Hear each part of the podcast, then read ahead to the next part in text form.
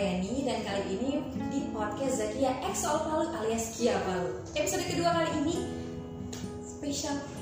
Kenapa? Karena kita kedatangan orang paling cantik di Palu. Itu pengusaha, selebgram, eh, semuanya ada dia. Ya, Langsung saja ada Siska.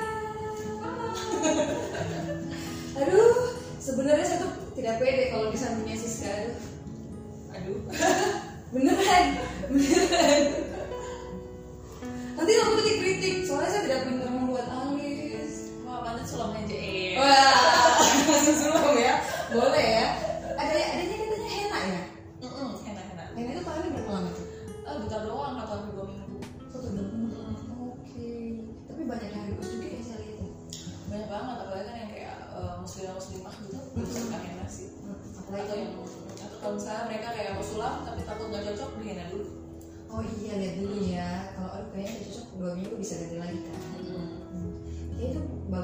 Kita mungkin ada acara pesta satu minggu kan. Jadi mau on terus alisnya nggak perlu ngukir lagi, bisa pakai henna juga kan.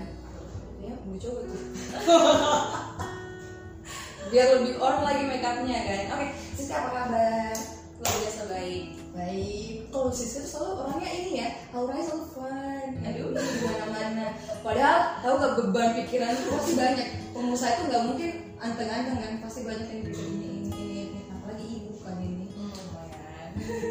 bawa happy. Eh, eh, jadi mungkin karena ada selalu suami ya. Amin. Siapa? Ma masuk sini dong pak. Dia cuma mengamati dari luar guys gitu ya. Aduh. Oke, Kia mau eh, ngobrol. Jadi teman-teman kalau mungkin udah dengerin podcast Kia sama Siska di program obrolan di podcast Kia yang mungkin cuma audio doang, udah tahu banget tuh kisahnya Siska. Tapi Kia pengen flashback dulu. Mungkin teman-teman yang baru nonton belum tahu, aduh kayak gimana nih eh, kisahnya seorang Siska karena biasanya gini, oh dia kan enak, dia anak kayak orang kaya, itu gampang banget buat gini gini gini. Tidak pemirsa ya, kalau anda dengar podcast sebelumnya tuh luar biasa dramanya banyak banget. Kita mulai aja ya. Jadi kemarin itu Siska buat ini tanpa persetujuan keluarga kan, Betul. usaha uh, Angel Esper yang awalnya masih Everlast Palu. Everlast Palu. Wih itu saya mau bisa tanya, kenapa namanya Everlast ini? dulu itu karena kan pikir eh, kan dulu di Palu tuh fokusnya cuma mau untuk eyelash extension Ah, jadi saya pikir eh, apa ya nama yang berhubungan dengan eyelash mm-mm. tapi enggak tapi kesannya kayak itu tuh bakal everlasting gitu kayak Oke. maksudnya eh, enggak cuma bisnis yang satu dua tahun tapi mau everlasting jadi kan everlash Oke, jadi Terus tiba-tiba kenapa berubah jadi Angel? Oh ini karena nama juga ya. Karena tiba-tiba mau berubah jadi Angel Eyes Pro.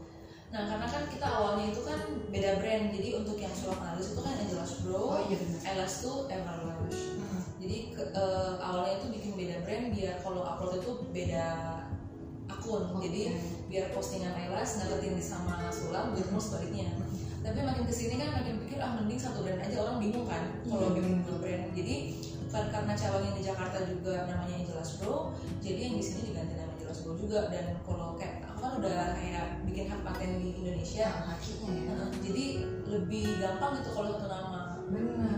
Ya pengurusannya pun juga surat segala macam itu satu nama kan enak. Oke. Ngomong-ngomongnya kan, Siska kan standby-nya lebih lama di sini. Di Jakarta gimana? asisten Oh asisten tuh sana. Wah. Tapi memang mau bolak-balik istilahnya ya. Jadi iya luar biasa. Tapi lebih seringnya di sini. Karena covid sih sebenarnya. Sebenarnya saya juga buat proses ini karena karena covid. Kalau nggak covid udah bye Palu udah kayak gitu. Tapi karena covid ya alhamdulillah ya saya bisa di Palu dan bisa ketemu Siska langsung. Jadi kemarin waktu ngomong di podcast sebelumnya ini baru mau launching kan? Lagi iya lagi renov kan? Kan kan? Bener kan? Nah sekarang kita di tempatnya guys. Jadi nanti mungkin sebelum teman-teman nonton podcast ini udah liatin tuh usahanya Siska yang sekarang. Yang kemarin dia bilang baru mau launching masih sementara eh, persiapan sekarang udah udah berapa bulan ya? Dari bulan Ju- Juli ya ya? Juli. Lama banget. Kalau bulan. sih. Berarti podcastnya lama banget ya. Terus setengah tahun. Iya lama banget. Ya Allah baru sadar aku ya.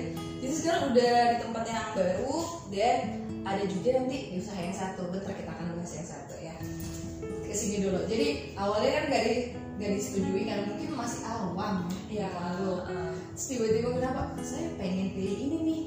Pengen usaha di sini. Padahal kan S2 bisnis. Harusnya bisa kerja di perusahaan besar Jakarta yang memang fee-nya kan lumayan tuh. Mm. kenapa mencari mau buat usaha hobi sih sebenarnya. Jadi sebenarnya itu berawal dari berawal dari kelemahan aku sebenarnya. Jadi kan kan gini aku punya kelemahan punya kekuatan gitu kan. Ah. kelemahan aku tuh susah susah susah bangun pagi. Sorry jadi aku tuh kalau bangun pagi itu pergumulannya panjang gitu kayak aduh susahnya bangun pagi gitu. Terus kalau di bawah deadline itu kayak agak tekanan gitu. Jadi yaudahlah kayaknya kira-kira harus ber- apa pengusaha sendiri deh buat biar bisa atur waktu sendiri tempat sendiri gitu. Oke nah apa susah banget kalau ikut aturannya orang ya gitu. Hmm. kayak bangun jam pagi Senin sampai Jumat gitu ya. Terus belum kerjaan sampai segala macam nggak bisa gitu ya. Oke jadi Terus paham. pas di Jakarta itu kan aku kan dulu kan di Jakarta kerjanya tahu kan gimana produknya macetnya. Jadi aku udah ngebayangin tuh kalau ngantoran mungkin udah bangun subuh apalagi mau make up lah ini kalian bangun jam 5 apa jam 4 bisa gitu ya. Aduh nggak kuat bener dulunya jam 5 subuh tuh orang mungkin ada udah ada yang jalan kali ya Iya. Jakarta kan? Suamiku gitu kan kemarin. Ya Allah tapi di Palu santai dia ya. Di Palu lah masih jam 7 nih masih bisa nih. Iya. kalau Jakarta jam 6 udah telat nih udah macet kan segala macam oh mikirnya di situ ya awalnya mikir kayak nggak mungkin akhirnya buat dan kenapa pilih usaha ini padahal kan Siska kan jualannya dulu dari SMA udah jualan macam-macam kan Hmm, jadi itu berawal karena gini nih kan aku tuh suka kecantikan suka make up nah, dari SMA Iya, kelihatan SMA banget kan. Terus jadi mikir nih, kira-kira bisnis apa ya yang nggak bertentangan dengan hobi. Jadi aku juga jalaninnya enjoy. Hmm. Terus maksudnya nggak jauh-jauh amat dari fashion gitu kan. Palu ada beberapa gitu kan. Apa nih yang belum ada kira-kira? Nah waktu itu tuh belum ada itu ex- apa eyelash sama sulam gitu. Sedangkan tuh kan di Jakarta udah mulai hype gitu kan. Hmm. Udah aku pikir wah peluang nih kita bawa yang ada di Palu gitu kan jadi udah aku waktu itu sambil kuliah sambil kursus juga ya udahlah istilahnya kan aku nabung tuh Mm-mm. udah sekian tahun kan nabung nabung nabung nabung terus di apa ya dikasih semua ke kursus gitu kan kayak aduh kalau nggak jadi sayang banget nih Iya sih, mikir semua tabungan dan sampai jual ini kan? Motor. motor yang tuh motor kamera HP apa lagi ya? Semua apa ya? pokoknya kayak pas aku ke Jakarta itu benar-benar cuma bawa HP satu doang di tangan gitu loh. Jadi kayak udah nggak bawa nggak udah nggak ada kendaraan. Terus kan karena kan tinggal di rumah tante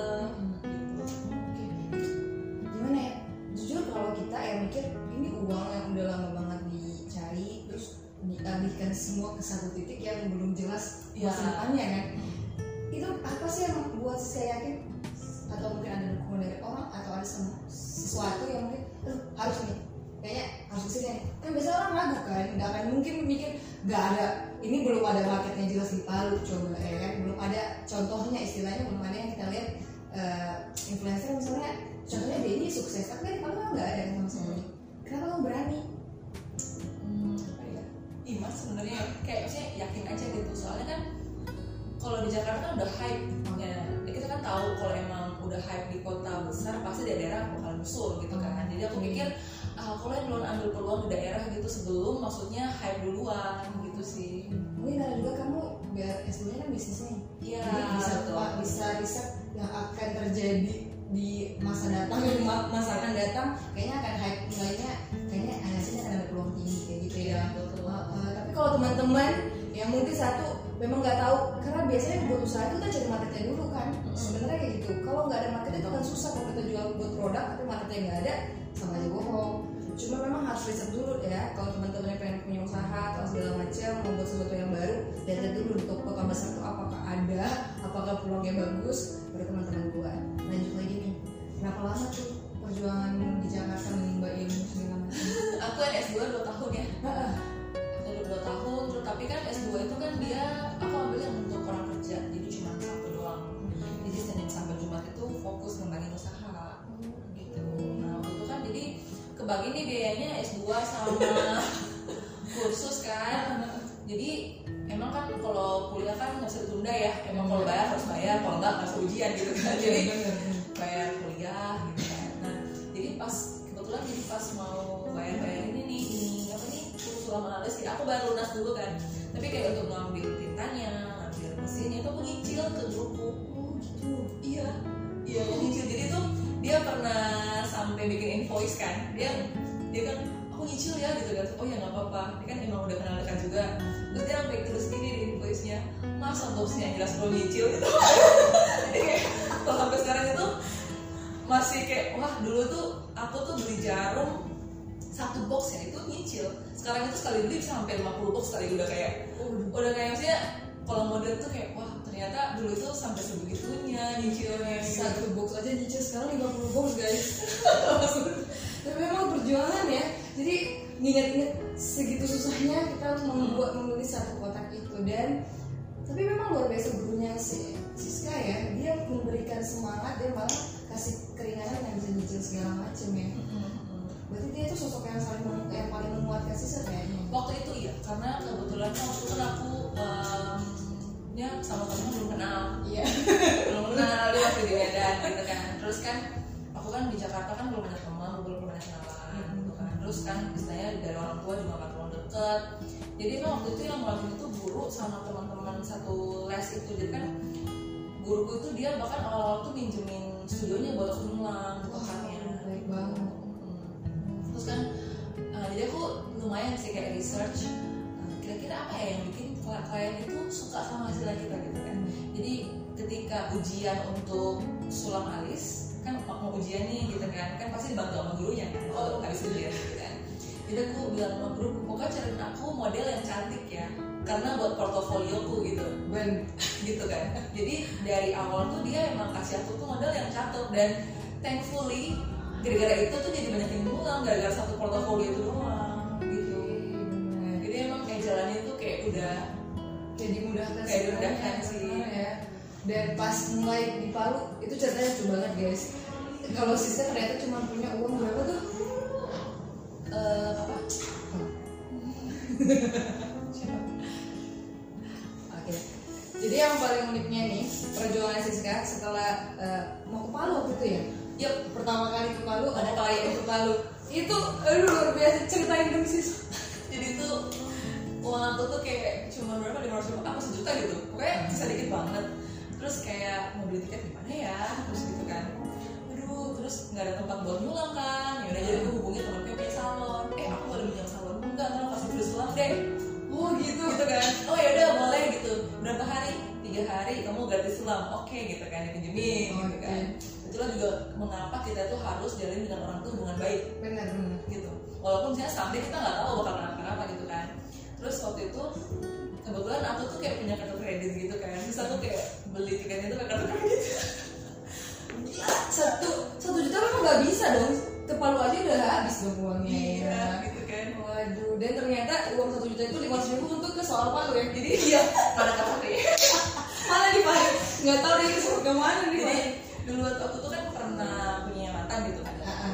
dia bilang kamu tuh gila ya masa punya uang satu juta lima ratus ribu kasih di apa orang di Instagram gitu kan cuman ya aku nggak tahu maksudnya aku harus iklan di mana lagi yang biar orang tahu gitu kan Hmm. maksudnya kan emang kalau kita bagus tapi orang-orang nggak tahu kan juga nggak bakal bisa laku gitu kan jadi aku langsung beli paket di Solo Palu gitu ceritanya di upload dan bersyukur banget itu dapat empat orang dari Solo Palu Empat orang. Empat orang. Dari lima ratus ribu langsung dapat empat orang. Empat orang Oke. Uh, terus yang lain saya itu kayak teman sama kayak temennya temennya gitu Oke.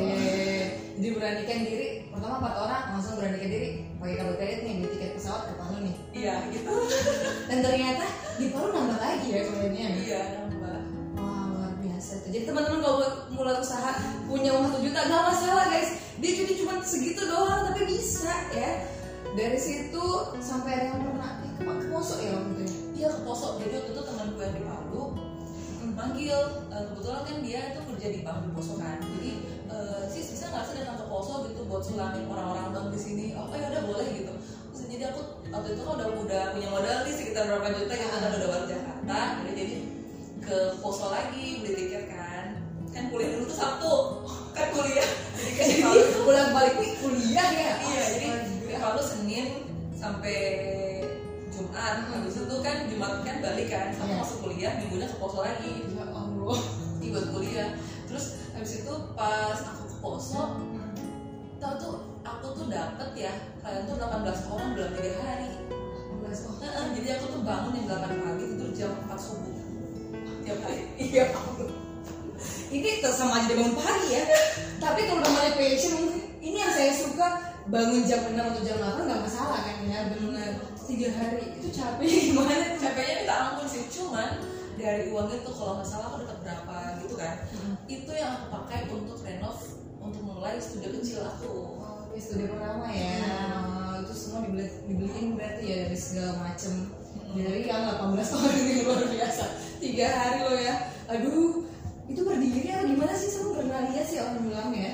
sebenarnya duduk cuman karena kebetulan kan kalau kita kan kalau kasur normal untuk nulang kan bolong tuh kayak meja Oh, karena iya. duduk gitu kan kalau kasur yang apa nginepnya di kayak di penginapan gitu kan itu kan kasurnya kan spring bed biasa jadi kan kita kan duduk tuh harus nyamping gitu kalau nggak berdiri kan tadi nggak dalam Benar. itu sih yang bikin pegel perjuangannya banget ya. Jadi model apa adanya langsung muncul kreativitas. Saya pengen apa? Cari angle yang pas, yang penting bisa nyulam ya. Betul. Waduh, dari itu berapa lama tuh? tiga hari sama kepala terus itu nyelon kembali Terus balik aja. ya? Jakarta buat kuliah Itu berapa lama tuh proses sampai selesai kuliah itu berapa lama? dua tahun Dua tahun gitu terus? Hmm, oh enggak enggak enggak kalau gitu terusnya sih satu tahun setengah karena kan awalnya kan nyusun skripsi kan jadi Oh. nggak gitu buat buat Oh, kita udah lumayan ada lah simpanan ya. gimana. Karena kan kebetulan waktu itu kan waktu punya uang sedikit aku mikir nih kalau besok aku nggak dapat uang mau makan apa? Benar. kan nggak ada yang support nih istilahnya kan. Saya nggak ada kalau gitu mau makan apa besok? Kalau udah kalau ada punya suami kan istilahnya dia kerja ya minta sama suami lah gitu kan. Kalau lagi nggak ada gitu kan. Ini kalau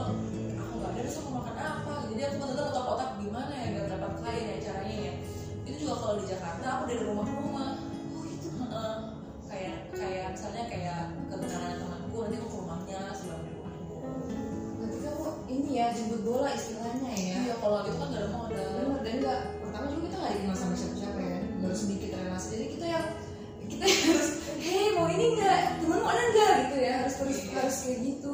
Jangan malu guys kalau mau usaha memang harus kayak gitu. Kalau enggak siapa yang mau bantu ya? Agak Iya. sulit memang. Dan itu satu tahun setengah tuh lama loh Siska lumayan sih. Cuma cuma worth it pernah ini enggak lu saya capek nih. Pernah ada enggak pasti antar satu tahun setengah pasti pernah ya maksudnya di saat-saat kayak misalnya kalau tengah malam lagi merenung saya kayak nangis sendiri lu capek juga ya kerja sendiri gitu. Kayak maksudnya apalagi nggak gitu disupport kan maksudnya bener. kayak kerja apa sih? Kuliah tinggi tinggi S2 jadi jadi tukang sulam gitu kan. Oh, ngapain sih kenapa nggak kerja kantoran aja gitu kan? Tahu-tahu tiap bulan dapat gaji oke gitu kan. Tapi aku mikir gini maksudnya kalau nggak sesuai sama passion kita kerja juga gimana ya kayak terpaksa gitu loh. Hmm. kayak nggak pakai hati kan. Jadi ah, enggak lah kayaknya kalau diganti bisa nih gitu. Dan kebetulan waktu itu eh, dikenalkan sama beberapa orang juga yang lumayan membantu. Kayak misalnya kayak yang desain studio. Jadi aku kayak nggak perlu bayar bayar mahal buat interiornya buat apa namanya sama itu. Jadi lumayan. Ada teman-teman yang membantu sih. Alhamdulillah dapat relasi baik banget ya jadi mudahan memang untuk plastik aja itu mahal banget minta ampun ya Betul. Masih desainnya doang itu belum lagi isi isinya tuh lebih mahal daripada gedungnya sebenarnya kan iya kan? Dua kali lipat dari harga gedung ya Allah. Dan ternyata Siska dipertemukan sama orang-orang yang mungkin satu jalan gitu ya satu visi gitu ya. Satu tahun setengah tuh lumayan berat. Dan saya aja yang mungkin dulu kayak dulu oh, zaman SMA mau jadi penyiar radio jadi MC tuh mau jadi apa? Kan? Betul. Bener kan? Dulu siaran juga nggak dibayar awalnya segala macam. Tapi kayak ini kayaknya hidupku deh gitu dan pas lihat teman-teman ini mereka bisa loh dapat uang tuh sampai segitu bisa beli rumah beli mobil segala macam memang kalau kita passionnya di situ dan memang kita tekuni pasti bisa. Walaupun down ya lihat orang "Ih, kayak temen gue asik ya kalau jadi pegawai gitu ya. Terus tuh beda datang ih kalau liburan kamu kerja di hari libur. Kan gitu kan. Kalau kita kan nggak ada waktunya kan. Kerjanya kapan libur kita masuk orang masuk kita libur kan gitu kan. Tapi mereka pas ngajak "Ih, kita liburan loh hari sabtu minggu. Aduh nggak bisa udah kerjaan nih MC pasti kamu juga gimana tuh waktu melihat teman-teman perasaannya? Apakah aduh kayak menyerah atau enggak kayaknya harus nih. Kalau aku sih mikirnya lebih ke jangka panjang. Jadi mungkin aku sekarang masih satu usaha nanti ke depannya aku bakalan menuai apa aku tabur saat ini. Aku mikirnya gitu sih. Jadi maksudnya untuk sekarang kan kayak dulu kan masih muda bikinnya kan. Jadi aku udah setting goals nih. Umur sekian aku mau pensiun kerja umur sekian aku jadi harus aku aku harus uang berapa gitu. Ya aku udah harus setting goal kan kayaknya kalau misalnya sekarang aku berleha-leha ikutin teman ke sana kemari nongkrong sana sini gitu terlalu berlebihan yang pertama uang habis waktu habis dan buang-buang apa ya tenaga gitu kan. Jadi aku pikir ya udahlah ngapain eh, kayak gitu ya udah mereka liburan aja aku cari duit ntar kalau punya duit yang banyak aku liburan tanpa batas. Oh gitu ya. Balas dendam dia ya balas dendam. Jadi kalau teman-teman lihat sukses sekarang nggak semudah itu guys ya. Dia masih tuh dia meluangkan waktunya yang berla- bertahun ya nggak nongkrong nggak liburan. Demi impian yang sekarang. Jadi teman-teman jangan lihat sekarang ya. Tapi lihat perjuangannya kayak gimana gitu. Nah setelah punya ini dan alhamdulillah eh, di Palu udah lumayan besar nih. Dan ternyata dia punya apa ide lagi bikin eh, bisnis baru lagi nih. Ini emang ada aja ya pikirannya ya. Itu tiba-tiba muncul ide dari mana tuh? Nah, kembali lagi ke alasan yang pertama karena peluang sebenarnya. Jadi kan maksudnya aku juga orang Palu gitu kan. Maksudnya aku juga pengen nih mengembangkan kota tercinta gitu. Oh, kan pertama dunia kecantikan kan dulu belum ada gitu jadi kan yaudah aku mau bikin lah kecantikan biar untuk membantu cewek-cewek di Palu lebih pede gitu kan. Nah yang kedua itu kan waktu itu di Palu itu belum terlalu belum terlalu ada yang mengeluh kayak gitu kan. Jadi aku mikir usaha apa lagi ya Palu belum ada. Ini yang kira-kira ini yang pertama bisa bagus, yang kedua bisa mengembangkan kota Palu. Jadi aku pikir oh, oh, kayaknya benar-benar kayak gitu kan kayak boba gitu kan. Cuma aku tuh belum yakin. oh Belum yakin. Dan ketika waktu itu bukalah si boba ini di samping studio aku Jakarta kayak gini ya berarti iya kayak sampingan gini persis Oh, gitu. gitu kan Oke. samping persis terus aku tengah malam tuh iseng kan jauh jauh ke depan itu depan rukoku kan terus aku bumerang kayak gini kanan kiri kan terus aku ngomong gini kan di storyku haruskah aku membuka bersebelahan gini kalau juga. Oh oh udah gitu ya? Iya itu tuh kayak sebenarnya tindakan iman sehingga kayak aku melak- aku melakukan apa yang aku ucapkan gitu. Kan oke. Pas saya iseng doang eh, gitu eh banyak yang komen buka buka buka buka gitu kan. Oh banyak nih ternyata marketnya nih. Buka buka buka gitu kan. Nah kebetulan waktu itu aku DM lah si si boba ini. Nggak pernah ada jawaban email nggak pernah dibales di WA nggak pernah dibales gitu kan.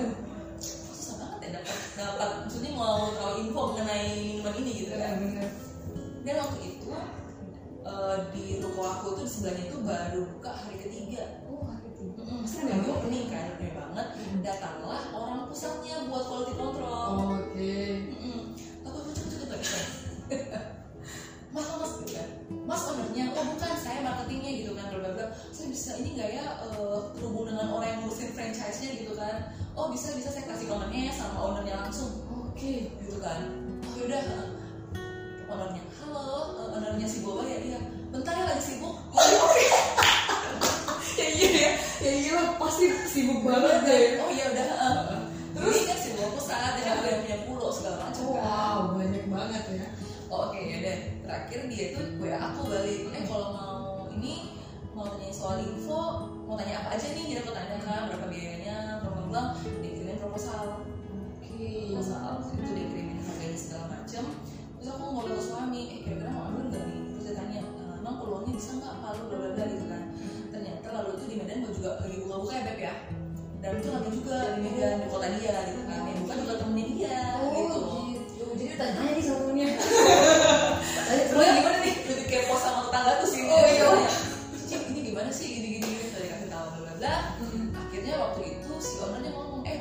yang mau ambil juga Eh, kayak ada tiga orang yang nanya masuk aku gitu kan. Jadi kamu mau ambil nggak? Kalau nggak kasih mereka. Nih waduh ditantang gitu ya.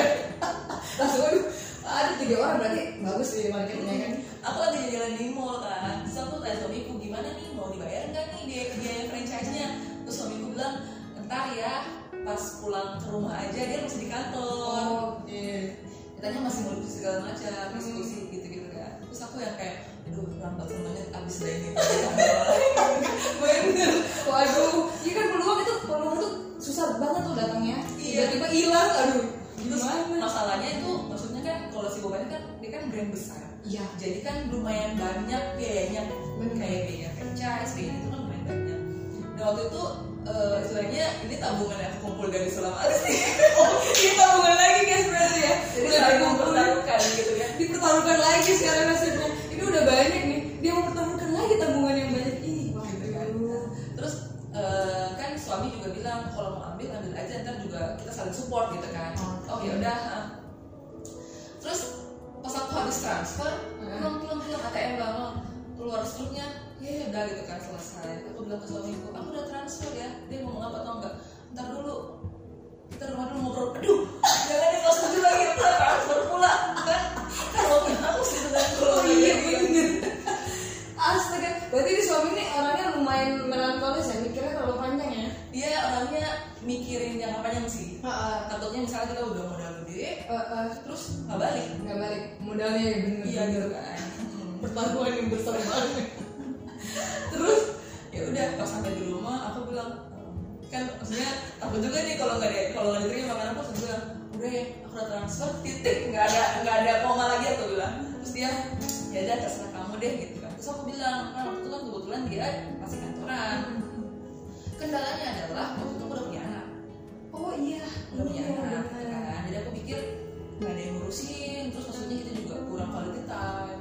Berapa kali aku ke Palu tanpa dia. Sedih juga kan kita kerja jauh-jauhan gitu kan. Jadi aku bilang kalau kamu resign aja oh ya oh ya udah uh, di sana kan udah ada usaha ngapain kerja lagi kan gitu dia dia resign tiba-tiba kaget juga orang kantornya ya Ih, tiba-tiba resign gitu kan ternyata mau buka si boba gitu kan jadi dia itu resign tanggal 24 Desember apa ya Itu di Jakarta ya? Eh, 23, 23 Desember, 24 ke Palu langsung. Wow. Karena tanggal 15 Januari opening.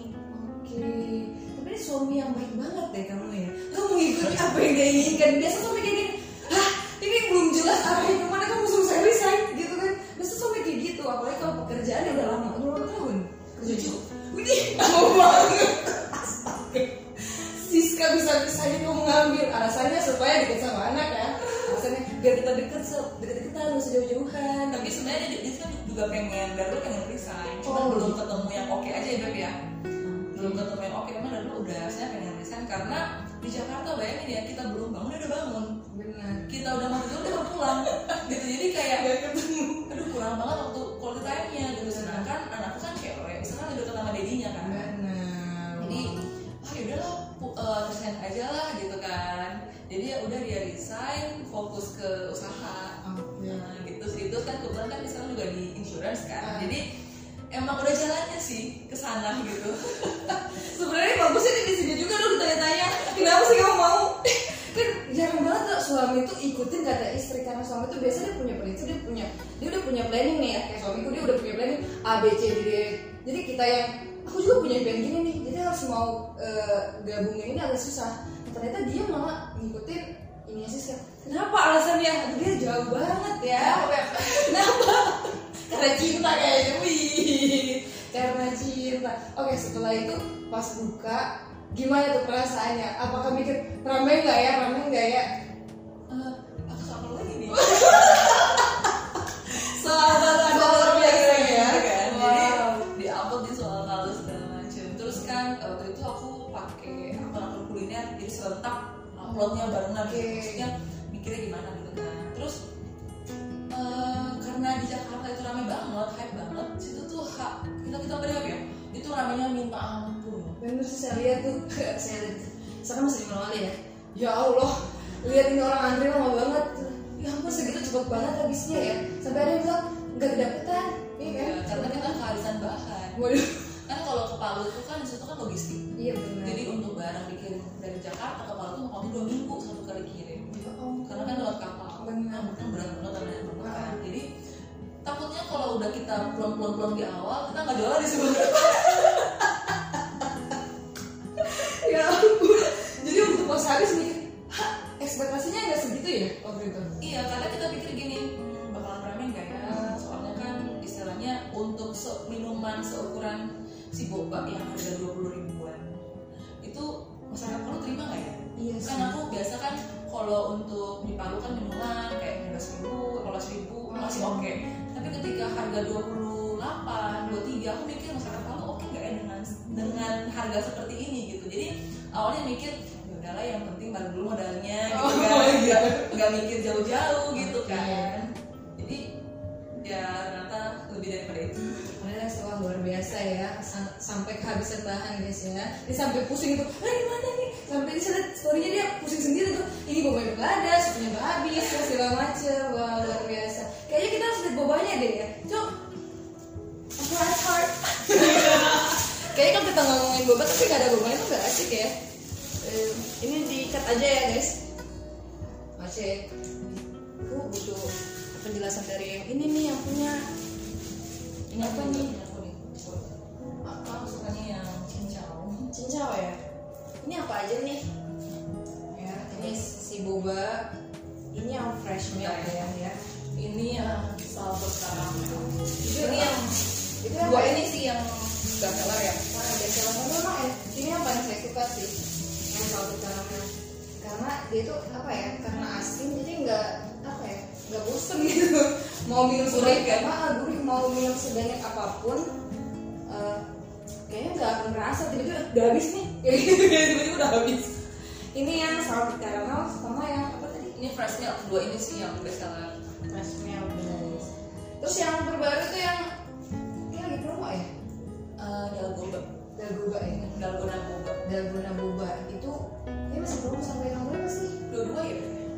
Sampai promo ya. Hmm, Beli hari lagi. Dua hari lagi beli dua gratis satu. Jadi teman-teman kalau mau langsung aja eh, kita kita cobain ya. Mundur ya. Katanya ini mundur guys. Oke, kita cobain. Aku cobain yang satu caramel mana? Itu. Cek. Oke. Tes cek. Shake shake shake shake. Oh iya. Selalu lupa ya, ternyata harus dikasih gini-gini gini ya. Tutorial minum boba yang benar ya guys. Jadi gini, di shake shake dulu. Kameramen mau? Sabar ya. Oke, Bismillah.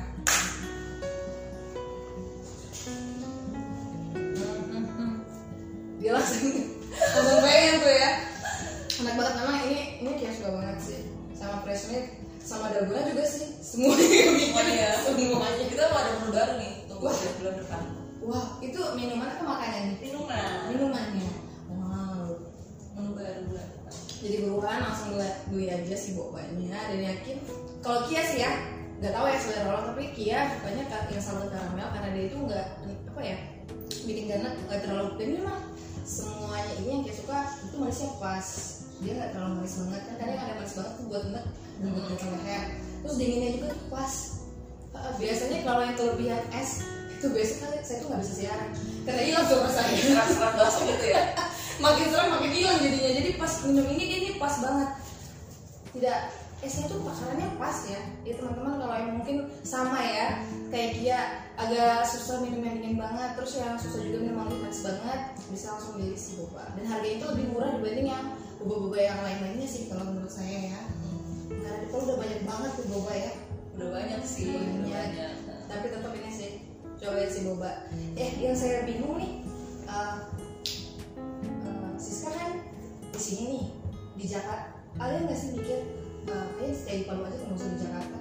Enggak gitu ya? Pernah nggak pikiran? Pernah pikiran gitu Karena kan eh, waktu itu kan kayak di Palu pertama waktu pandemi itu lebih safety nggak bilang aman sih cuma misalnya daripada di Jakarta misalnya lebih mengurangi resiko. Benar. Terus yang kedua juga karena suamiku sekarang di insurance terus di sini banyak banget nasabahnya jadi dia mikir eh, apa saya kembangin di Palu aja gitu. Terus yang ketiga maksudnya di Palu itu lebih nggak crowded. Jadi kalau kayak kota besar kita tuh tiap hari itu habis di jalan. Di Palu benar habis di jalan uangnya waktunya semuanya di jalan. Kan? belum jalan tolnya bensinnya gitu kan. Jadi lebih crowded dan lebih padat terus apa lebih mahal iya benar. Lebih tinggi. Biaya Tinggi benar. cuman aku tuh sebenarnya masih oke dengan di Palu gitu kan. Cuman kalau kayak dulu ya punya impian pengen tuh anakku tuh sekolah di sekolah internasional. Pengennya pengennya kan udah punya anak gitu kan. Pengennya tuh karena kadang aku melihat ya dalam kacamata aku ya Hmm, eh, anak yang sekolah di Jakarta sama daerah tuh beda iya beda karakter. Kalau aku lihat entah kenapa ya maksudnya apakah mungkin eh, sekolahnya di sana kayak masih kecil-kecil udah pintar Mandarin bahasa Inggris bahasa Jerman gitu kayak gitu kayak iya ya anak kecil-kecil gitu kan. Kayak banyak temen-temen aku kayak gini ya. Gitu kan mungkin lingkungannya mendukung. Mendukung karena semua orang bahasa yang sama gitu kan. Jadi aku pikir aduh pengen deh maksudnya anakku juga istilahnya nanti ke depannya dia bisa bersaing di dunia internasional lah istilahnya. Oke. Terus tapi ya belum tahu juga. Maksudnya kayak kita kan lihat ke depan ini situasi sekarang kan belum tentu. Iya sih benar. Seperti apa? Dan bisnis juga di Jakarta gak kurang oke ya karena banyak banget teman-teman tuh tuh oh gitu Jakarta. Hmm, banyak banget yang bangkrut gitu kan. Dan maksudnya aku juga mikir kalau di Jakarta kan sekarang nih kayak pengen di rumah pengen ruko. Nah, Jakarta kan mahal banget. Nah kalau bisa ke Jakarta bisa dapat berapa ruko di sini? Iya gitu kan. Cuman aku sih manut ke mana mau dibawa sama yang di atas sih. Maksudnya ke mana yang dibawa pasti yang terbaik. Tapi kan kalau mungkin mikirnya gini kalau di Jakarta orang yang mau belajar sulam jadinya lebih gampang kan. Kayak kemarin kan dari beberapa kota tuh ada dari luar negeri juga kan ya jadi lebih trust. Istilahnya kalau di Jakarta orang lebih percaya kan nah gitu itu ya. yang aku maksud. Jadi aku bilang kalau aku stay di Jakarta itu lebih membuka peluangku ke dunia yang lebih luas gitu. Kebetulan kan ya nggak apa-apa sih di Palu maksudnya kayak orang yang dari luar kota belajar harus ke Palu gitu kayak Iya bener, biayanya lebih mahal lagi kan mereka ke sini kan. Dua kali lagi naik pesawat, hah ternyata bukan Jakarta, di Palu. Hah, pasti kaget loh kalau orang ke Palu tuh kan naik naik pesawatnya udah "Ah, lama gitu. Tiba di Palu, ah panas gini ya gitu. Mereka pasti shock kan. Tapi ada gak sih yang ke Palu orang luar? ada cuma dari kayak Makassar, Bone gitu Oh yang ke Sulawesi ya. Toli-toli, Bubuk Tapi kayaknya mungkin mereka takut kayak ke Palu ya. Pasti banyak mau belajar sulam di Palu. Hah bukan tempatnya bekas gempa lalu ya. Iya kayak gitu orang Jakarta kamu asli mana? Asli Palu. Oh kami rumah kamu di mana? Hmm, mantap langsung kan ditanya gitu kan waduh apalagi belajarnya langsung ke yang jelas di Palu. Mereka langsung shock dulu ya. Terus di dekat pantai lagi. Iya kan? Wah, tapi mudah-mudahan enggak sih kalau kalau dari Kia yang engineer juga ya kita yang pelajari tsunami itu akan bukan sebenarnya secara ilmu yang kita pelajari di kuliah tentang tsunami Teluk itu tidak akan terjadi tsunami sebenarnya. Karena kecuali apa ya samudra karena dia kan kecil ya. Kalaupun tsunami tidak akan sebesar itu. Tapi ternyata teori itu terbantahkan karena terjadi juga di sini. Karena memang beda ya tsunami di sini dengan tsunami di sana. Karena memang Palu ya kita tahu Palu itu sebenarnya pusat gempa terbesar terbaiknya. Kalau di ada peta gempa kalau teman-teman bisa search ya di Google buka tuh peta gempa Indonesia lihat kota Palu merah. Jadi zona merah yang sangat berbahaya karena gempa itu tiap menit ada terus ada terus. Cuma kita nggak rasa kali ya karena udah terbiasa kita kecil-kecil. Tapi ternyata kita eh, teman sampai dosen itu juga pernah bilang akan ada pernah tsunami karena dulu pernah tsunami memang di sini sampai jalan Taweli itu pernah belok karena runtuh itu runtuh karena tsunami. Asal muasalnya kayak gitu. Jadi ternyata oh mikir pasti pernah ada dan akan terulang lagi tuh ternyata benar. Dan aduh mudah-mudahan nggak akan terulang di waktu dekat ini. Palingan dia 100 tahun 200 tahun lagi. Mudah-mudahan enggak ya mudah-mudahan enggak ya. Kita berdoa mudah-mudahan enggak lagi ya ampun. Karena itu luar biasa ini. Eh pengalaman waktu tsunami gimana tuh? Dulu kan studio di sana ya sih.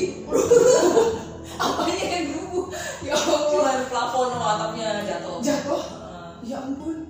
Dan itu berantakan banget waktu itu. Tapi itu nggak ada yang sulam kan sama sekali. Jadi kan kebetulan kan udah mulai dari siang ya. Oh, Oh, iya, masalahnya. kan. soalnya jam 3 udah. Mulai kayak kayak di kapal gitu Nah, kan. jadi langsung ditutup sama karyawan. Jadi Oh. waktu itu aku di Jakarta.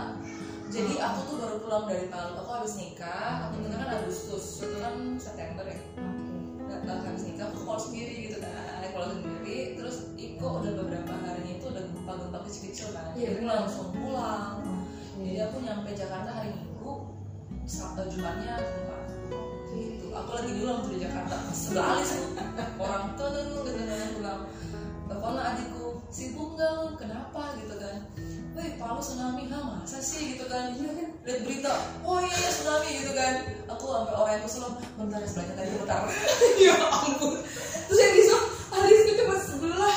udah bentar ya bentar ya lagi bentar lagi bentar gitu kan. Nah terus aku langsung telepon karyawan gitu kan. Udah nggak bisa telepon? Iya langsung putus sinyal kan. Aduh gimana nih? Ke- keadaan aku gimana? Telepon keluarga udah nggak ada yang bisa dihubungi gitu kan. Aduh gimana nih aku empat hari itu ya lain suamiku ya. Aku tiap hari nangis gitu kan. Nonton berita banyak lihat-lihat di TV siapa yang nonton TV gitu ya pengungsi siapa? Aduh ada ada, ada familyku gitu kan. Karena nggak ada kabar gitu kan. Terus eh, pas hari keempat itu dapat kabar sih semua selamat. Oke. kayak keluarga karyawan semua selamat. Kita kan kayak kehilangan rumah. Bener sih. Tapi memang tiga hari itu lama loh pasti perasaannya kan. Nunggu dari pagi terus ya, kok gak bisa bisa dihubungi ya orang. Pasti keluarga yang paling utama kan yang dicari. betul. Itu mikir udah kayak gimana tuh? Pikirnya udah kayak aduh kayaknya tiba-tiba kalau teman aku ya di Jogja waktu itu. Dia lagi boncengan sama pacarnya terus pacarnya ditaruh bawa papanya kan. Ih pacar kamu mana? Ini ada bawa motor ih kota dia tuh tsunami. Jadi dia dia mikir hah tsunami? Eh kota kamu tsunami. Dia langsung berhenti tuh nggak di Malioboro terus dia nangis karena dia pikir eh, kayak Aceh kan. Pikirannya tuh kayak Aceh. kan udah nggak ada teman-teman sudah meninggal semua tuh keluarganya udah nggak ada karena nggak bisa dihubungi kan. Iya. Kalau kamu gimana waktu itu? Waktu itu na- nangis juga sih jadi kan suamiku tuh pulang dari kantor untuk gak cepet cepet pulang gitu kan. Dia langsung meluk gitu kan. Dia pasti pikirnya aduh sayang untung kamu di sini. Karena aku udah gila kali kata ya apa sih kecil? Untung di sini kan? Tapi masih hamil. Eh belum hamil. Oh belum hamil. Jadi aku tuh masih hamil dua minggu kalau nggak di situ. Ya ampun. Lagi hamil. Pasti mikirnya itu sampai nangis nangis kan kan mikirnya maksudnya kalau misalnya kita ketemu keluarga kan kita bisa ngirim bantuan atau apa- Iya, bener. apa gitu kan. Terus kebetulan temanku ada yang pakai XL oke. Waktu itu aku sering-sering buka lah Instagram siapa yang story oh iya. dia update nih orang tua gitu kan. Dia perlu update sih kata dia. Yuk pakai XL tolong dong liatin rumahku gitu kan. Jadi dia ngecek ngecek ke tondo sana kan. Oh. itu dia bilang deh apa namanya jatuh. Terus eh, apa tapi bangunan aman nggak ke sini nggak ke sini nggak kena tsunami. Terus aku suruh cek lagi rumah omahku tuh di nomor satu dia kan baik banget ya mau ya. Ngecek rumah Sakoro katanya dia di sini rumahnya nggak ada orang dia tapi listrik semua nyala. Hah, hah? Gitu mungkin kan karena panik kabur gitu jadi lupa lupa Oh, iya, kan gitu kan. Terus temanku ini padahal dia tuh bensin terakhir karena kan susah bensin tuh ya kan Allah iya susah banget ya ampun. Dia rela banget loh bantuin tapi memang karena di saat itu mikir kita tuh mau pergi kalau nggak penting amat aduh kayaknya nggak karena bensin tuh susah banget. Mau ngantri tuh sampai 12 jam loh bayangin dapat satu jardian itu kayak kita ngantri ya emas berlian kali ya ini bensin 12 jam baru dapet. Kadang tuh nggak dapet kehabisan makanya tuh aduh mau mikir lagi ya kayak bisa juga ya terjadi di Palu ya kayak gitu. Kayak mikir Iya, iya. kan dulu biasa ada eh, ada gempa donasi mikirnya ih sedih banget ya gini. Pas lihat hah kotaku sendiri tuh kayak gimana ya? Perasaan kamu? Mungkin di Palu juga. Saya di Palu. Oh. Itu baru berapa hari ya di Palu? Di Palu tapi suamiku di sana kan. Saya dengan yang sekecil masih umur 9 bulan wow itu mikir kan udah gempa kan udah gempa sore. Jadi kita mikirnya nih aduh gak usah mandi sore deh. Feelingku kan gak enak gak usah mandi sore di kamar aja gitu. Pas bener sih jadi kakakku lagi gendong-gendong dia pas gempa tuh adik anak aku dibuang Gila kan kakakku tuh shock banget. Untung dibuang di, di tempat tidur. Jadi anakku tuh guling ke guling ke guling. Jadi mereka semua udah lari. Itu saya masih nangkepin saya ke kiri ke kanan. Anakku kan saya ke kiri. Aku mikir ya ampun kalau rumahnya roboh. Ya udah yang penting ambil anak kan mikirnya. Karena tuh dinding tuh kayak gini nih ya, mikir ya ampun ini gempa paling dahsyat kayaknya ya. Udah mau ambil ke sana tuh kita nggak bisa berdiri kan? aman? Alhamdulillah kalau di Tawajukan itu semuanya aman ya? Nah, daerah itu memang nggak ada nggak ada petahan cuma ada yang roboh pagar roboh semua. Tapi kita kan shock "Ih, kok dinding pagar tuh roboh semua ya? Kita langsung lihat. Kalau aku kan pernah untungnya belajar eh, tentang bangunan kan. Kita merancang bangunan udah kasih masuk eh, tahap apa gaya gempanya segala macam. Jadi mikir gini kalau bangunan agak rubuh itu akan ada bunyi. Bunyi kayak besi hmm, kayak gitu. Kalau selama nggak ada bunyi yang kayak gitu ya atau bunyi kayak pertahan gitu. Kayak gitu tuh bangun masih aman jadi aku mikir gini masih ngeliat ngeliat. Kayaknya ini aman deh tapi kan orang di rumah itu nggak ada yang paham. Lari lari lari lari. Lari ke mana? Takutnya juga di luar gimana- kenapa apa kan? Untung di rumah halaman luas. Yang mungkin di kondisi aku nggak apa-apa. Tapi kalau orang yang rumahnya udah kebelah itu pasti aku udah nggak mikir gue pingsan duluan ngeliat tanah itu terbelah bangunannya itu udah kesorot atau likuifaksi aduh udah mikir tuh Pasti kaget banget. Pas waktu udah ngambil likuifaksi itu pasti nggak percaya sih nggak percaya kan? kayak masa sih ada yang kayak gitu gitu kan. Masa pernah terjadi selama ini kan? masa sih kayak gitu kayak nggak kayak nggak percaya juga gitu kan. Makanya semua klien-klienku yang di Jakarta kalau hamil malam kamu asli mana? Gitu kan Palu. Itu Palu gimana sih? Ada apa tuh tanah, tanah goyang-goyang gitu ya pada nanya-nanya gitu kan. Nanya jadi jadi jadi air ya karena nggak lihat kan kita aja yang cuma di sini nggak percaya sebenarnya. Tapi pas ngeliat dan tanahnya memang kayak itu kayak di apa ya di kasur air gitu loh. Kayak squish squish gitu loh. Jadi mikir ya Allah jangankan itu di rumahku tuh kita gini itu tanah kayak goyang. Wow. Mobil lewat goyang. Gitu oh mungkin ya ampun. Sampai segininya ya tanahnya waktu itu juga sempat tutup sih karena kan roboh gitu kan. Ini berapa lama tutup dua mingguan. Nah waktu itu aku luar biasa dua minggu orang satu bulan. Ini dua minggu langsung jalan lagi dia ya. Iya jangan salah loh. Waktu itu kan aku mikir gini eh, gimana ya kecantikan kan bukan bisnis yang kebutuhan utama oh iya benar bukan kebutuhan primer yang kayak makanan baju gitu kan. Bener. ini kan kayak kebutuhan sampingan lah istilahnya kalau ada lebih baru. Ah benar aku masih mikir masih bisa jalan ya nggak ya usahaku di Palu dengan keadaan Palu yang separah ini. Benar aku kayak udah hopeless udah mikir lagi. Buka cabang pertama lagi ya kira-kira di daerah ya yang selain Palu gitu. Kan langsung ke Makassar kali ya? Manado. Iya Manado. Waktu itu Manado. Manado atau di Medan. Di tempat suami gitu kan. Karena mikir kalau di Palu udah gak ada harapan kan maksudnya pasti kan pincang gitu kan. Benar. Gitu kan aduh pak orang Palu bakal mau cakep lagi nggak ya? Itu DM Instagram usaha ya yang sebenarnya tiap hari itu trafficnya banyak ya bener-bener dalam seminggu itu kosong. Ngomong kan biasanya kan ada itu tuh kayak jumlah pengunjung berapa. Oh iya eh, benar Ke- insightnya iya. dicek ah. Itu kan sebenarnya kan kayak ribuan gitu kan. Ini kayak bener-bener 144 pengunjung kayak wow. Kayak turun badan tuh nggak ada DM sama sekali. Nggak ada orang yang hubungi itu nggak ada. Dan waktu itu aku mikir hmm, ya udahlah kalau emang perjalanannya begini nggak apa-apa ikhlas gitu kan ikhlas segala macem. Eh. Pas dua minggu setelah itu pak ada yang ngechat kak kapan buka ampun. Kita di pengungsiannya udah kusam curhatan para pengungsi ya. Kita kita lagi ngungsi nih. Muka udah jelek banget mata udah sayu banget. Bisa nggak ya extension atau enggak banyak kalau datang ke pengungsian. Ya. Jadi aku mikir gini hmm, gimana? Jadi aku kontak karyawanku kira-kira rumah kalian yang aman siapa? Jadi ada kebetulan karyawanku yang dia ngontrak rumah dan ada kamar 01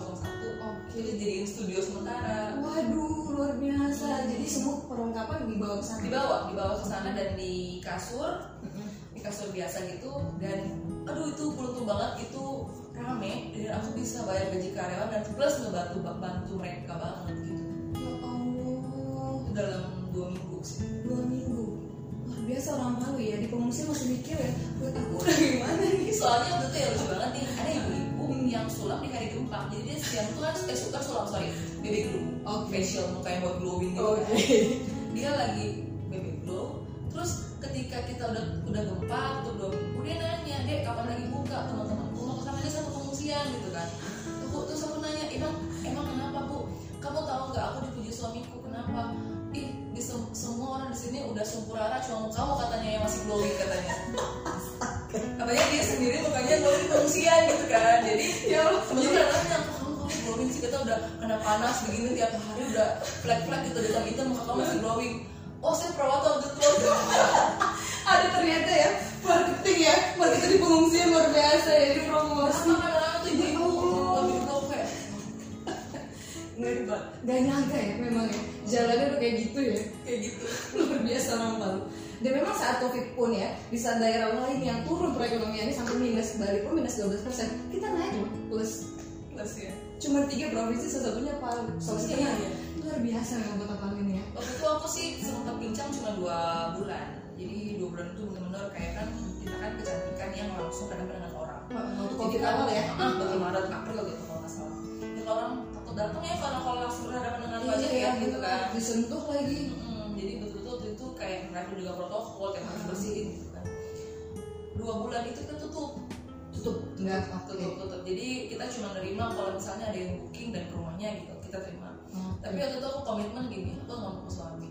Walaupun kita tutup kita tetap gaji karena full aku nggak mau mau gaji mereka walaupun mereka nggak masuk gitu kan. Karena kalau aku sama suami kita harus punya tabungan buat bertahan nih. Hmm. kalau mereka tiba-tiba mereka tiap bulan cuma bayar ngekos pakai uang gaji ketika mereka gajinya nggak ada mereka mau bayar iya sih. Mau cari kerja di mana lagi ya? Takutnya malah mereka melakukan hal-hal yang nggak benar gitu kan. Aku pikir sampai sana kan pikirannya udahlah aku tetap gaji full dua bulan.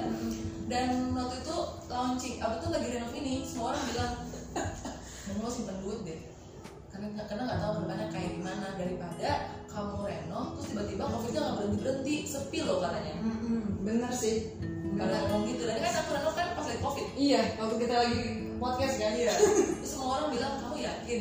Terus aku ingat kan dulu bisa perjuanganku sampai nggak punya duit segala macam ini itu. Aku aku sampai ngomong gini ke suami. Kalau Tuhan pernah tolong aku dulu dia juga akan tolong aku sekarang. Aku ngomong gitu. Sekarang dia pasti akan ditolong aku bilang nggak mungkin nggak ditolong.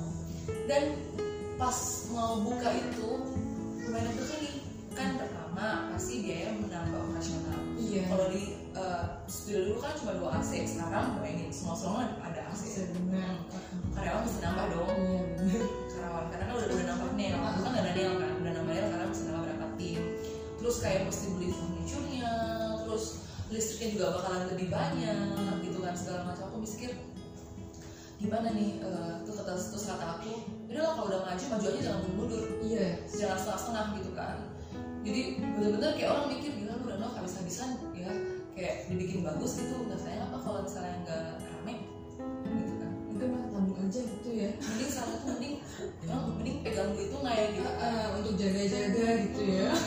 Cuman aku mikir oh ya udahlah nggak apa-apa lah nggak apa-apa. Eh, kita beriman aja gitu kan beriman.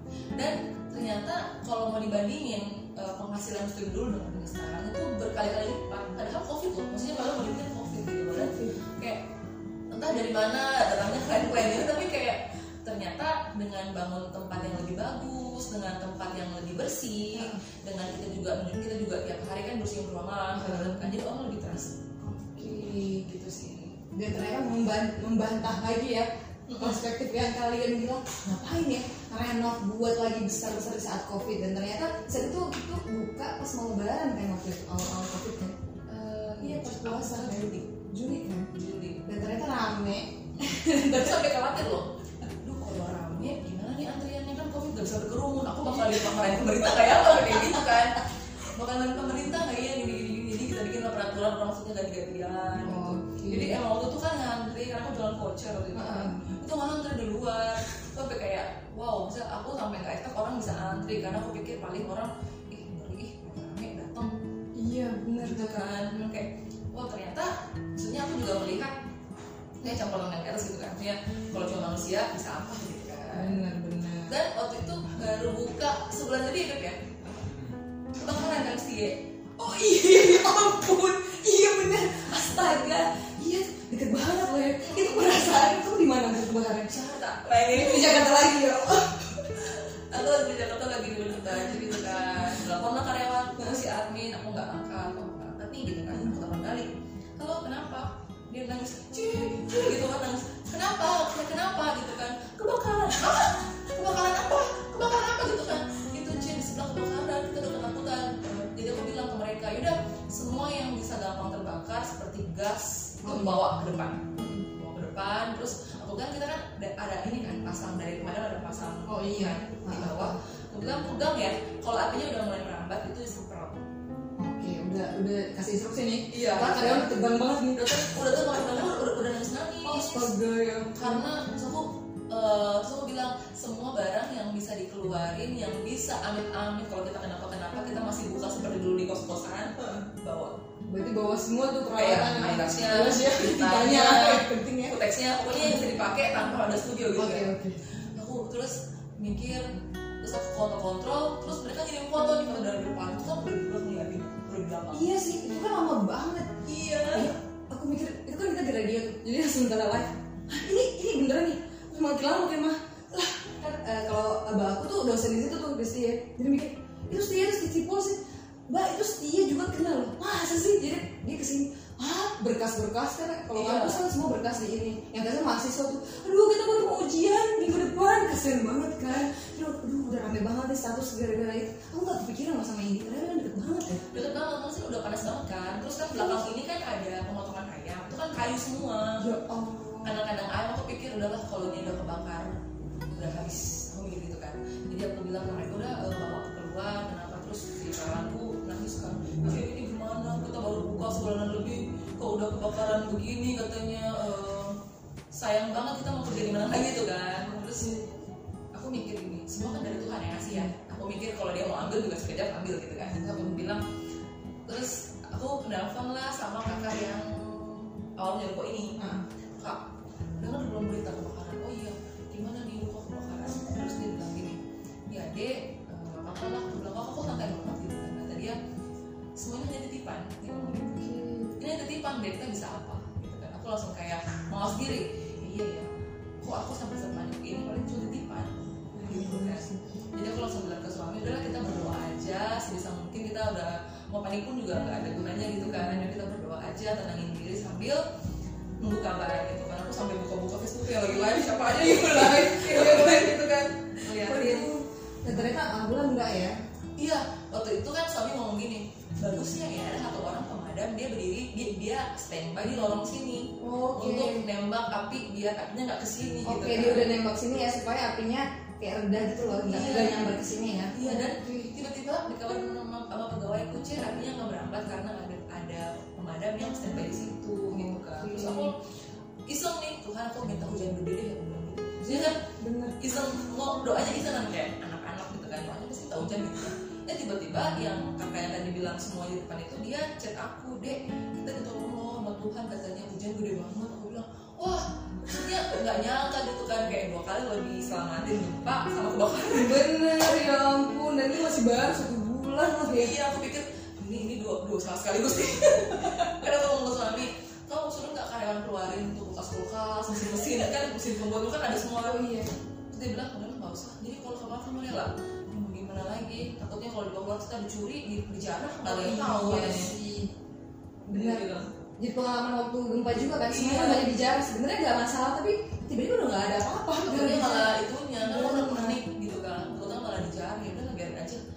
Gitu sih. Memangnya kalau pasangan tuh harus saling melengkapi ada yang tenang gitu ya, yang menenangkan ya. Satunya, wah yang sangat mungkin lebih ambisi sis kan. Kalau Hmm. gitu suami dia lebih, oh iya gitu, ngikutin lebih tenangin gitu ya. Karena harapan ke depannya lagi nih setelah udah jadi nih si Bobo udah ada juga. Apa lagi nih nextnya? apa ya sebenarnya aku pengen buka beberapa cabang sih cuma masih dalam dalam rencana terus masih pengen mengembangkan lebih lagi sih Mau belajar lagi berarti? iya kan seharusnya kan tahun ini aku ke Korea lagi cuma karena COVID kan ditunda jadi kalau udah reda-reda pengen lagi sih upgrade terus Karena memang banyak banget ya kalau udah buka di Palu ya. Udah rame banget. Dan skillnya mereka udah jago-jago juga sih lihat-lihatinnya. Jadi memang harus punya sesuatu yang beda lagi nih. Ya terus ya. Jadi PR lagi ya berarti. cuman kalau aku kan secara pribadi aku percaya tiap orang tuh ada marketnya Benar. nah, misalnya kayak studio aku tuh yang suka maksudnya kayak orang-orang uh, PNS PNS gitu ya istilahnya ibu yang mm, kayak udah nature nature gitu jadi aku sih lebih percaya kayak ke itunya sih dan maksudnya kan kita kan jualan gitu kan jadi maksudnya kalaupun kayak banyak yang udah buka aku malah kayak yuk bikin selalu semakin berkembang gitu kan Oh, jadi malah semangat juga ya? iya karena aku temenan juga sama yang bikin studio kan Iya, Kayak kayaknya ada breaknya juga kayaknya. ada banyak banyak Breaknya kayaknya ya. Oke, dan mudah-mudahan next projectnya eh, bisa berjalan lancar. Dan kita podcast lagi, siapa tuh ada cabangnya lagi kan ya. Amin. Thank you Siska, udah kita gangguin di sini. Padahal kita pengen tuh tadi suaminya ngobrol juga. dia pemalu Pemalu banget. Tapi Dia nanti next belakang dia next episode ketiga harus kayaknya. Nanti aku bawain empat mic ya. Nggak tahu di mungkin Cek udah ngomong kali ya. Boleh juga ya sama dia dia ini sih orang di balik layar sebenarnya kayak yang mendukung aku juga kayak ke Korea kan dia juga yang kayak menin gitu Iya kan terus kayak yang dokumentasi kan dia Oh iya benar. orang-orang kan gak bakal tahu kalau tamat dokumentasi kan Iya dia tuh standby loh. Terus saya pikir kau bawa fotografer kamu suami ya berarti ya. suami dia sampai cuti dari kantor gara-gara Demi ya. jadi gini waktu itu Demi eh, cinta. cerita dikit ya waktu itu dia dapet dengan dua pilihan Oke. pada tanggal yang sama dia ditawarin jadi kepala bank Wow. Iya beb ya. Positif. Buat training jadi kepala bank. Jadi Wow. ditanya sama orangnya, kamu kalau mau jadi kepala bank harus ikut pertemuan di tanggal sekian dan di hari itu aku ke Korea sama dia. Oke. Jadi bingung nih mau siapa yang mau dikorbankan. Oke. Jadi dia bilang, "Nggak, aku eh, tawaran jadi kepala bank nih. Terus aku bilang, ya kita kan hari itu juga mau ke Korea gitu kan. Iya jadi gimana ya? Aku sih bilang ke dia terserah kamu ikut dengan hatimu aja. Kayak gitu. Terus nanti kamu sendiri ah nggak masalah aku juga nggak mau hilang kok sendiri gitu kan. Ntar aku bawa karyawan satu Oke. gitu kan. Biar dia tenang ya. Misalnya gitu. dia ke kantor pas pulang dia bilang udah aku ambil keputusan kenapa aku tolak penawaran di kantor aku emang kamu gak sayang apa kamu kepala bang mau Ira dapat fasilitas tapi ini ini ini gitu kan. Terus dia ngomong gini enggak lah aku lebih mau support kamu lah katanya gitu. Kasihan kamu kalau sendiri aku khawatir juga kepikiran katanya apa lah udah korbanin aja lah. Gimana sih perasaan stopin? Semakin falling in love gak ya? Langsung aduh aduh kok kamu kayak Korea Korea gitu sih? Kayak drama Korea ya? Iya sih cuman Jadi dan kan emang dia kan dia tuh kan emang pengen resign dia pikir dia pikir "Eh, ya udahlah kita coba kemarin usaha bareng-bareng. Oke. Jadi dia pengen nemenin juga.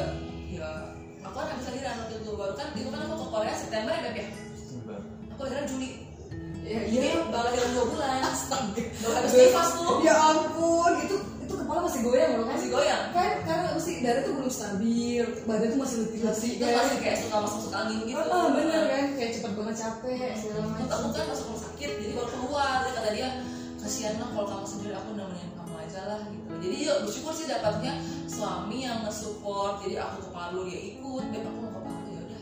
Aku mau ke Jakarta maksudnya. Gitu dia terus dia sih yang penting positif dan maksudnya jelas gitu kan. Jelas benar. Dan memang daripada dia kerja jadi kepala cabang istrinya nggak tahu kenapa-napa di sana ya tiba-tiba ngilang abis lahiran terus nanti anaknya nangis gitu kan. Lebih baik dia ikutin aja ya daripada tanggung resiko kan. Besar juga. Ih Siska ngilang hah? Gimana nih? Nanti kenapa-napa kan di negara orang beda kalau mungkin Siska ke Jakarta. Pasti gitu kan. Mikirnya kalau cuma Jakarta atau ke Medan ya nggak apa-apa lah sih. Iya aku nanya kan kenapa kamu mengorbankan kerjaan gitu kan? Maksudnya terus dia bilang lebih penting kamu ada kamu daripada kerjaan. Kerjaan bisa dicari. Istri istri nggak bisa nggak ada duplikatnya gitu. Oh ini padahal banyak gue nyari istri baru. Tapi nggak ada lagi kayak dia ya. Nggak ada ya. Wah dia sebersih kayak sisi udah limited edition. Di Medan mungkin nggak ada ya dari Medan lah dapat sama Palu luar biasa ya. aduh mudah-mudahan makin sukses lagi. Eh, jadi penasaran nih mau coba ya? Ya mau coba selain cuci bawahnya kan mau coba ininya henanya nanti nanti dia lihat kita jadi ya. sekia Oh, aduh aku nggak pede ya Allah. Atau pas tahun baruan kia. Aduh, kalau ada yang nawarin MC lagi tahun baru ya nggak masalah ya Mas Nalis supaya kebayarkan. Oke, thank you sekali lagi Siska udah kita gangguin lama banget nih ngobrolnya. Kita udah berapa jam ya? Dua jam ya? Satu jam? Oh my god, dua kayaknya bisa dua episode kayaknya ini ya. Oke, so kita akhiri walaupun kita tuh mau ngobrol ya panjang lebar nggak akan kelar-kelar ya. So thank you banget udah dengerin uh, Kia sama Siska di podcast Kia Palu, Zetia Exal Palu dan semoga bermanfaat dapetin uh, ilmunya kalau yang baik-baik diterima ya mudah-mudahan bisa memotivasi teman-teman yang pengen buat usaha juga wah bukan mungkin bukan di kecantikan tapi usaha lain tapi mudah-mudahan dapat ini lah ya pengalamannya dan bisa buat teman-teman jadi semangat so finally Zainal ini mesti pamit terima kasih sekali lagi dan bye bye